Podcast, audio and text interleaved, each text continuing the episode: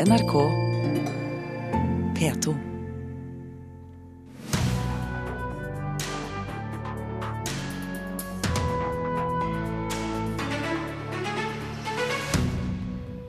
Norske komikere kan for lite om religion til å lage bra humor om det. Nå vil jødisk leder invitere humoreliten til synagogen for å lære dem jødevitser.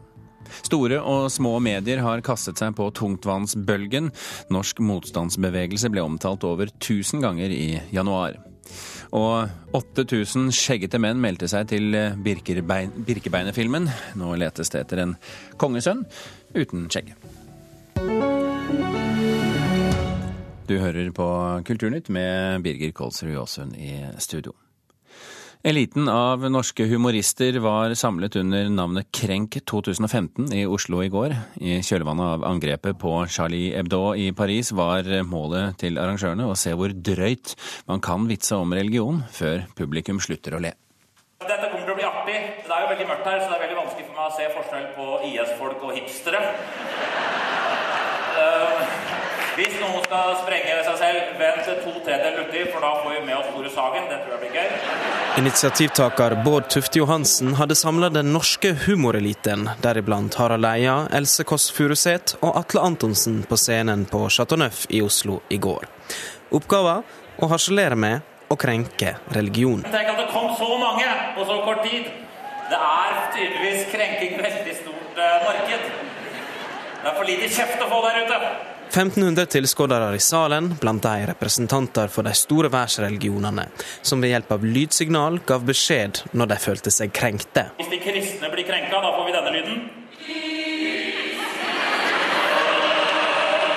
Ja, og hun representerer både katolikken og protestantene, så det er et kor med veldig unge gutter og eldre menn. Fra Mosaisk trossamfunn. Mora di! Nei, det var Da vil jeg til. Eh, islam trykte litt tidlig der. Tydeligvis hadde det krefta. Kan vi høre islam? Eh, islam? Mora di! Ja, det er, det er forhud som fjernes, og mora di. Eh, Mosaisk trossamfunn? Ja, bare forhud som fjernes. Vårds innledning var jo knallbra. Ervin Kohn, forstander for Det mosaiske trossamfunn, var begeistra over Tufte Johansens åpning. Men han etterlyser et høyere kunnskapsnivå hjå mange av de andre komikerne på scenen. Man må ha mye mer trening og mye mer kunnskap for å kunne evne å fleipe med dem. Og publikum har kunnskap for å skjønne vitsene. Og Derfor var altså de, det repertoaret her var jo så smalt i forhold til hva du kan gjøre. Han får støtte fra Swaib Sultan, tidligere generalsekretær i Islamsk råd. Han følte seg mer krenka av dårlige vitser enn av religionsharselas. Du kan si jeg har en humoristisk sans. Den kan bli krenket hvis den eneste humoren man kommer med er tiss og bæsj og promp. Større kunnskapsnivå om religion. Jeg tror folk, ganske mange her vet ganske mye om religion, men uh, du må jo bygge på en felles forståelse. og Det er mer sånn oppbygging av vitser at uh, du kan ikke, Setupet kan ikke være Toran og Talmud, ha to forskjellige bøker, og så komme med en vits på det. Det funker på Mosaiske trossamfunns julebord. Sa Bård Tufte Johansen til kritikken. Soeib Sultan roser likevel Tufte Johansen for initiativet, og håper det kan verte ei byrjing på noe mer. Dette er noe man kanskje ikke har så veldig stor tradisjon for her i Norge. ikke sant? Og, og, og, og sånn sett så må man jo si at noe er bedre enn ingenting. Ervin Kohn han tar saka i egne hender, og byr inn komikerne til synagogen for å lære bort jødevitser. Så som jeg sa, så inviterer jeg alle komikerne som vil til å komme til det jødiske samfunnet i Oslo for å trene. Kan du få jødene til å le? Og det er søren ikke vanskelig i det hele tatt. Da kan du gå ut i verden og, og, og jobbe. Det var Ervin Kohn som snakket med vår reporter Lars Ivar Nordahl. Agnes Moxnes, kulturkommentator her i NRK. Syns du det er en god idé å sende norske komikere på kurs i jødevitsing? Ja, det syns jeg høres ut som en svært god idé. Nå må det jo sies at det har gått veldig kjapt i, i svingene før Krenk 2015 gikk på scenen i går kveld. Det er jo bare noen uker siden terrorangrepet mot Charlie Hebdo. Og vitsene er nok ikke blitt finpusset komikerne imellom, så det ble veldig mange jødevitser om den griske jøden, og også en del sånn standard muslimvitser. Det så absolutt gjerne kursing, men det publikum ikke trenger kursing i, det er om humanetikk. Fordi at der var både tydeligvis forsamlingen og komikerne helt tydelig på, på bølgelengde, så var vel dem som fikk mest gjennomgå i går, tror jeg. Ervin Kohn påpeker jo her at norske komikere kan for lite om religion til å være morsomme. Kan han ha rett i det? Altså, God humor og god satire er jo utrolig krevende, og, og selvfølgelig må komikerne vite mye for å bli eh, spisse. Eh, men det spiller jo ingen rolle hvis publikum ikke aner hva de, de vitser om, så balansen er hårfin. Og, og, det man så i går, var jo at et arbeidskollektiv av de beste av norske komikere i fullt eh, driv. Og det var helt tydelig at det var et voldsomt engasjement og en interesse for å være med på dette her hos dem. Eh, du var inne på det, at det var kort eh, oppløpstid på, for å få satt dette arrangementet i gang. Eh, Krenk 2015 like fullt, var det vellykket, vil du si? Det er Bård Tufte Johansen som har tatt initiativ til dette her. Og, og, som han sa, det er helt tydelig at det er marked for krenking. Storsalen på Chateau Neuf, jeg tror det er 1400 plasser omtrent, ble solgt ut på 1, 2, 3. Eh, og man vet jo at komikere hele tiden stiller spørsmål av typen hvor langt kan man egentlig gå? Kan man le av alt? Eh, nå er bakteppet Paris og Charlie Hebdo, og komikerne benyttet på en måte anledningen da, til å stille dette spørsmålet tilbake igjen til publikum. Så, så, på sett og vis så ble det et veldig morsomt litt sånn ytringsfrihetsseminar. Eh, men sinnene ble på ingen måte satt i kok på Chateau Neuf i, i går. Så det ble veldig lite, altfor lite bruk av disse signalene som de ulike religiøse grupperingene skulle sende ut. Så det var lite kirkesang og, og lite å høre av forhuden som ble fjernet. Skal vi da konkludere med at uh, rent krenkemessig så var det ikke så vellykket? Krenkemessig var det ikke vellykket, men det er klart det er ikke så, er ikke så lett heller. fordi at her var poenget var å få folk til å stille det spørsmålet kan man la seg krenke. var det man kom med til Chateau Neuf i går. Eh, sånn at eh, poenget var ikke å si noe alvorlig om egentlig f.eks. religion. Eh, er religionshumor veien å gå for å lette trykket i samfunnet? Det, det ble iallfall veldig påpekt og veldig tydeliggjort i går. For da man kom til Chateau Neuf, så var det vel første gang i, i norsk eh, komihistorie at alle ble kroppsvisitert før de skulle gå inn i, i, salen. Og alle visste jo hvorfor man ble det. Ja, Det var ikke en del av humoren det? at det skulle... Nei, det var ikke den første krenkingen. Jeg tror i hvert fall, jeg tror i hvert fall ikke det. Ok. Agnes Moxnes, takk for at du kom til eh, Kulturnytt.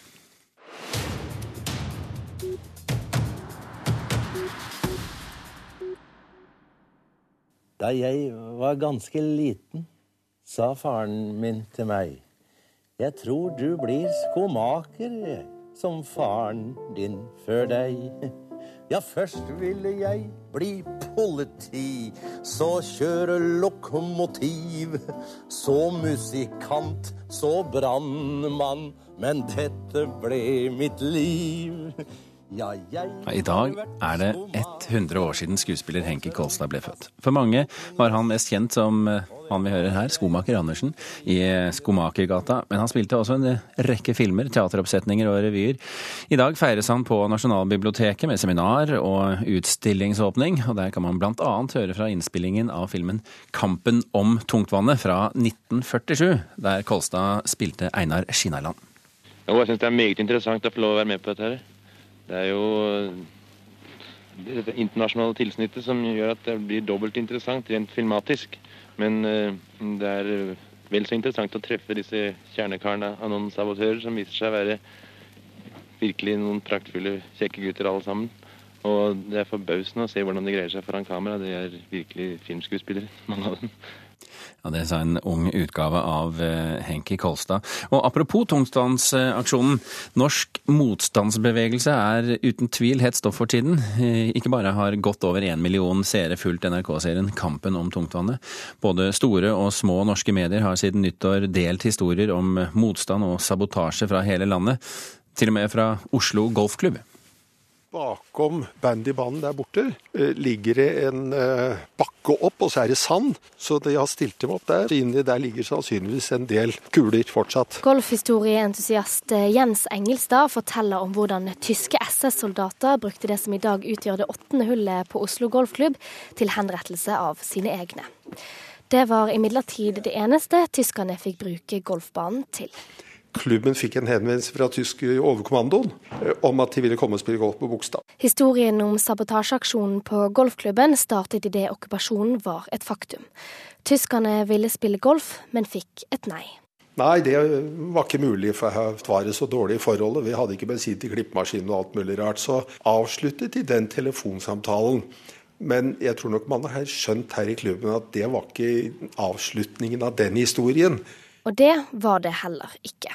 Norges eh, Golfforbunds nettavis norskgolf.no publiserte i januar historien om hvordan norske golfere med hjelp av hest og plog fikk en bråstopp på tysk golfinteresse. Og norsk golf er ikke de eneste som har delt krigshistorier. Ja, Her på Norges hjemmefromuseum så har vi et voldsomt kjør fra media. Forteller museumsleder Arnfinn Moland ved det norske Hjemmefrontmuseet. Det har vi hatt siden første mandag etter første episode, og vi har vel notert to av fire sider med henvendelser. Etter at NRK-serien Kampen om tungtvannet begynte å rulle på norske TV-skjermer, har lokale og nasjonale medier skrevet om tungtvann, helter og sabotasjeaksjoner. Bare i januar ble det skrevet over 1000 artikler i den norske presse som inneholdt ordet tungtvann. Hva er det som er så viktig med det vannet? Nei, Det har vært en enorm interesse, og det er jeg veldig glad for. Og Det er viktig for nye generasjoner å bli kjent med den historien. Og det er ikke så viktig at det er gjort en del endringer. Mye av omtalen rundt serien har nettopp dreid seg om hva som er sant og ikke. Mange norske TV-seere har tatt fatt på søkemotoren Google for å lete etter sannhetene. Så er det tungtvannet. Bestiller flere celler. Etter seriens premiere har antall søk på ordet tungtvann flerdoblet seg. Aldri før har så mange vist interesse i kjemi og norsk motstandskamp på nettstedet. Jeg regnet vel med at det skulle bli oppmerksomhet, fordi det er jo en sabotasjeaksjon som det norske folket liksom har et stort eierskap til. Tone Rønning i NRK Drama er damen som har sørget for at folks lisenspenger har gått til en av tidenes dyreste NRK-serier. Nå kan hun glede seg over rekordhøye seertall og at historien lever videre. Og det er jo akkurat det du gjerne vil når du lager et TV-drama. Så vil du gjerne at publikum skal eh, kunne brodere videre på historien. At den ikke går over med en gang sendetiden er slutt. Historien om Oslo Golfklubb lever videre i beste velgående. Golfdrømmende tyskere fikk en brå oppvekning da de kunne lese en annonse i Aftenposten som kunne fortelle at det nå var anledning til å dyrke poteter og kål på banen.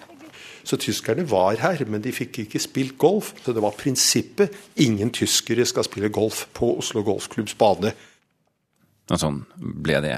Reporter her, det var Maria Røsland. Klokken er drøyt 16 minutter over åtte. Du hører på Kulturnytt, og dette er toppsakene i Dagsnytt nå. Tigging kan bli straffet med inntil ett års fengsel. Medvirkning til tigging kan gi like hard straff. Det foreslår Justisdepartementet. Husholdningenes økte gjeld kombinert med høye boligpriser er ikke forsvarlig og bærekraftig. Det advarer Finanstilsynet. Og Skjeggestad bro på E18 i Vestfold ser ikke ut til å ha sunket mer i løpet av natten. I går ble europaveien stengt da broen delvis kollapset. Nå skal eksperter granske grunnforholdene. Om få uker inntar skuespiller Kristoffer Hivju og de andre Birkebeinerstjernene Lillehammer. Innspillingen til den nye filmen Birkebeinerne skal i hovedsak foregå i deres opprinnelige rike. Men få uker før innspillingen starter er fortsatt en helt vesentlig rolle ubesatt. Ja, vi er på jakt etter kongebarnet, da. Håkon Håkonsen. Da produksjonsselskapet Paradox søkte etter skjeggete menn som statister til filmen 'Birkebeinerne', fikk de overveldende respons. Ja, da har vi fått over 8000 henvendelser. Nå mangler det en kongssønn, og utvalget der er nok kanskje mer begrenset. Så vi er på jakt etter en eh, fortrinnsvis en gutt, da. som er mellom 10 og 18 måneder. Sier produsent i Paradox Finn Gjerdrum. Ja, Hvis vi tenker årskullet i Lillehammer kommune, så har vi rundt 280-90 i året. Så her burde det være et utvalg. Svarer Brita Ødegård på helsestasjonen i Lillehammer. Hun tror absolutt at de skal klare å finne sin Håkon Håkonsen i nærområdet til filminnspillingene starter om kort tid. Ja, det regner jeg absolutt med. Ja, de, vi starter opptakene 17.2. Og eh, da er det full rulle hver dag frem til 23.3 med, med skigåing og, og, alt annet som hører til i, i filmen. da.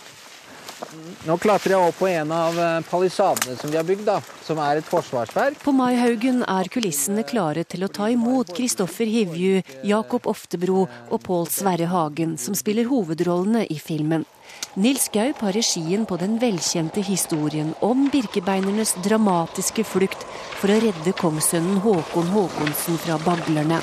Og her skal vi ha utkikksposter som ser mot uh, dalen og ser om det kommer noen der. Og plutselig så hører man noe, og så skimter man noe, og da er det viktig for våre karer, våre birkebeinere, å stikke av den veien mot Nidaros, da. Med kongebarnet som eh, vi gleder oss til å finne. Og den lille kongssønnen som melder seg, får noe å bryne seg på. Ja, det skal være med i både når Eh, oppå fjellet hvor, eh, hvor eh, våre birkebeinere overnatter i en hytte og de, blir, og de blir angrepet. Og det skal også være med når, når de blir hyllet i, og på en måte har overvunnet baglerne og på vei. Det er mange forskjellige scener, egentlig. Klapp, klapp, klapp. På helsestasjonen treffer vi familien Kuchukaga med sønnen Adrian Atlas på 15 måneder. Midt i blinken for en rolle som Håkon, men er det interessant? Hvorfor ikke? Det uh, kunne jo være litt fint å være med på film. Så en liten filmstjerne. Det kunne være fint. Men når vi skal filme ham, så kan det godt bli litt uh, øh, vanskelig. Så der vil det nok være en liten utfordring. Ja. Svarer mamma Bukett. Og om 14 dager starter filminnspillingene som skal skje på Maihaugen, Sjusjøen og i Hafjell. Men er det ikke da litt seint ute med å finne kongebarnet? Finn Gjerdrum? Nei, vi, har, øh, vi føler vi er i god rute. Hvis man venter to måneder eller starter for tidlig med dem, så har de jo vokst, og så har det skjedd mange ting i et, sånt, et barns liv. ikke sant? Så vi føler vi er i rute. Og Finn Gjerdrum, det er produsenten i Paradox. Reporter her, det var Torunn Myhre. Arbeiderpartiet vil at Stortinget skal starte diskusjonen om hvordan NRK skal finansieres nå, og ikke vente til stortingsmeldingen om NRK kommer i juni. Arbeiderpartiets Arild Grande sier til Dagens Næringsliv i dag at han mener debatten om finansiering blir friere om han tar den før NRK-meldingen kommer. Kulturminister Toril Vidvei hun avviser dette og sier at hun tror debatten vil bli både god og bred.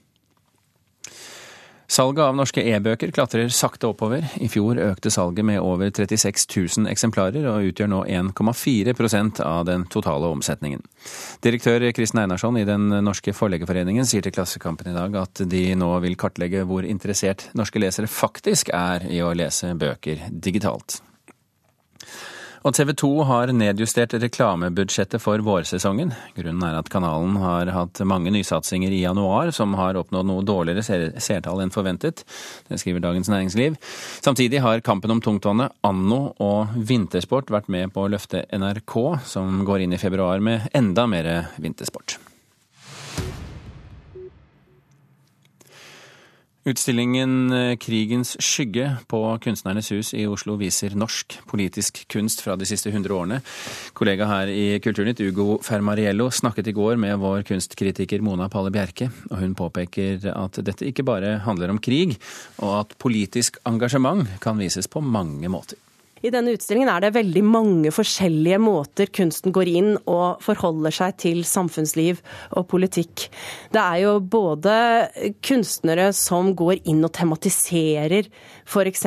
krigens redsler, som Henrik Sørensen i hans veldig sterke gatekamp eh, fra helt på begynnelsen av 1930-tallet, hvor vi ser at det flyter blod i gatene, det er fortvilelse, det er døde mennesker. Som er et, et veldig sterkt bilde den dag i dag bilde på, på, krigens redsler. I tillegg så har man jo sånne bilder som Reidar Aulis 'Tendens', som jo også er veldig kjent, fra 1931, som viser en veldig engasjert taler i et urbant havneområde. Her har vi eh, heisekraner og fabrikkspiper, og da denne veldig engasjerte mannen foran en blafrende rød fane. Og så har vi i folkemengden en kvinne med et barn, en mann som holder om en ung sønn, og også helt foran så står det da en kvinne som ser ut som en prostituert, med veldig sånn utfordrende kroppsholdning og dyp utringning. Og hun er jo, skal vi kanskje tenke da, et bilde på det moderne mennesket som eh, på en måte en produsent og vare i en fremmedgjort økonomi, da, for å si det med Marx. Det er fort å tenke på nettopp 30-tallet, som du snakket om nå, med mm. disse eksemplene. Eh, og kanskje også 60-tallet, når vi mm. sier ordet politisk kunst i Norge. Men her har vi 100 år med mm. politisk kunst. Hvordan er utviklingen? Kari Brandtzæg, som er kurator for utstillingen, har ikke prøvd å lage en sånn utviklingslinje eller en helhetlig fortelling. Hun viser oss, som hun også skriver, glimt inn i dette århundret. Hvor hun viser på en måte litt sånn høydepunkter, og, og, og det er veldig mange kjente verk. Eksempel selvfølgelig Gras-gruppa, som var veldig aktiv. Og der er jo Victor Lind kanskje den vi kjenner best. Og han er jo representert i utstillingen med et av de veldig kjente Donau-maleriene. Et sjablongbilde som er veldig sånn bare i silhuetter, hvor vi ser dette dette mørke skipet. Og dette var jo dette skipet som brakte de norske jødene, det som var med på å deportere de norske jødene. Utstillingen heter jo I krigens skygge, men er det bare krig det handler om? Nei, det er litt misvisende, kanskje. For at man hører i krigens skygge, så tenker man at dette en, det handler om krigens redsler og tematisering av krig. Men dette er bare én av veldig mange tematikker i denne utstillingen. Det handler om nød, det handler om fattigdom, det handler om seksuell frigjøring, det handler om uh, sysselsetting. Og Marte Aas har jo f.eks. lagd uh, en film som tar for seg polsk arbeidskraft i Norge. Det er en ganske ny film, uh, hvor, hvor, det er en ung polsk kvinne som snakker om hvordan det er å være vaskedame i alle de pene fjonge i Norge. For nettopp det med sosiale forskjeller er et tema som går igjen. Ja, Ane Hjort Guttu har laget et verk som heter 'De rike bør bli enda rikere'. Og Det jo, eh, består både av en film og flere silketrykk, bl.a. en forstørring av den veldig sånn rastrert fremstilte Munch-solen på den norske tusenlappen. Og det handler jo om hvordan arkitekturen og byplanen egentlig synliggjør de sosiale forskjellene. Hvordan det er de bemidlede som har råd til å bo i eh, solfylte stuer med utsikt, mens de fattige har det er, Vi knytter jo mørk og fattigdom veldig sammen. Og det er jo fordi de har da utsikt ofte, mange av dem, rett inn i murveggen til naboen eller søppelkassen. Og dette er tematikken til Ane Hjort Guttu. Hun stiller spørsmål hvem eier solen? Hvem har tilgang til lyset?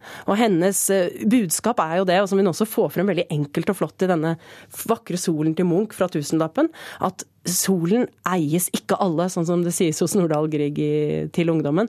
Solen koster flesk, og den er til salgs.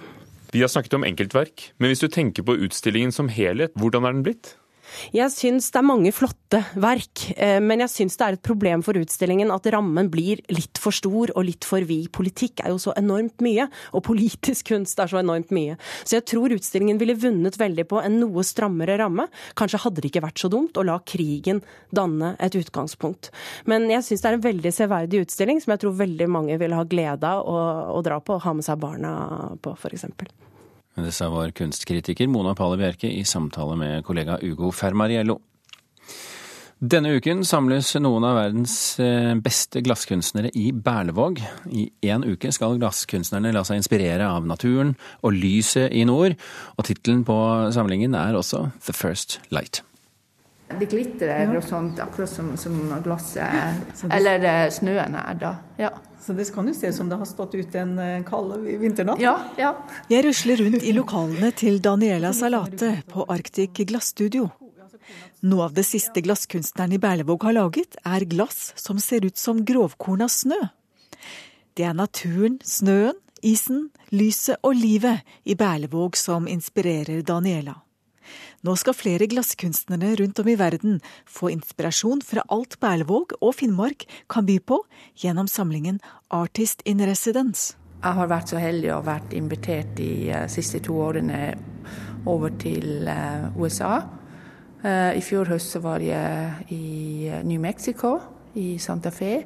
Og året før så var jeg så heldig å være oppe i, i Washington, nær Seattle, av Pilchuck Glass School. Og eh, det er så givende å, ha, å, være med på sånne samlinger, for det er glasskunstnere som, fra hele verden som møtes. Gjennom programmet Ryk og reis, som Innovasjon Norge står bak, har Daniela Salate fått økonomisk støtte til å knytte internasjonale kontakter, og dermed få ny inspirasjon ved å møte andre kunstnere. Gjennom dette programmet har hun blitt kjent med glasskunstneren Steve Klein fra California som sammen med Richard Paris er primus motor og kunstnerisk leder for alle samlingene i Artist in Residence. Begge er store kunstnere fra USA. Vi har valgt spesifikt den tida av året. For, eh, for to år siden så var uh, Steve Klein med kona her. Og det var akkurat i slutten av mørketida. Og Steve blir så begeistra fra, fra den årstida.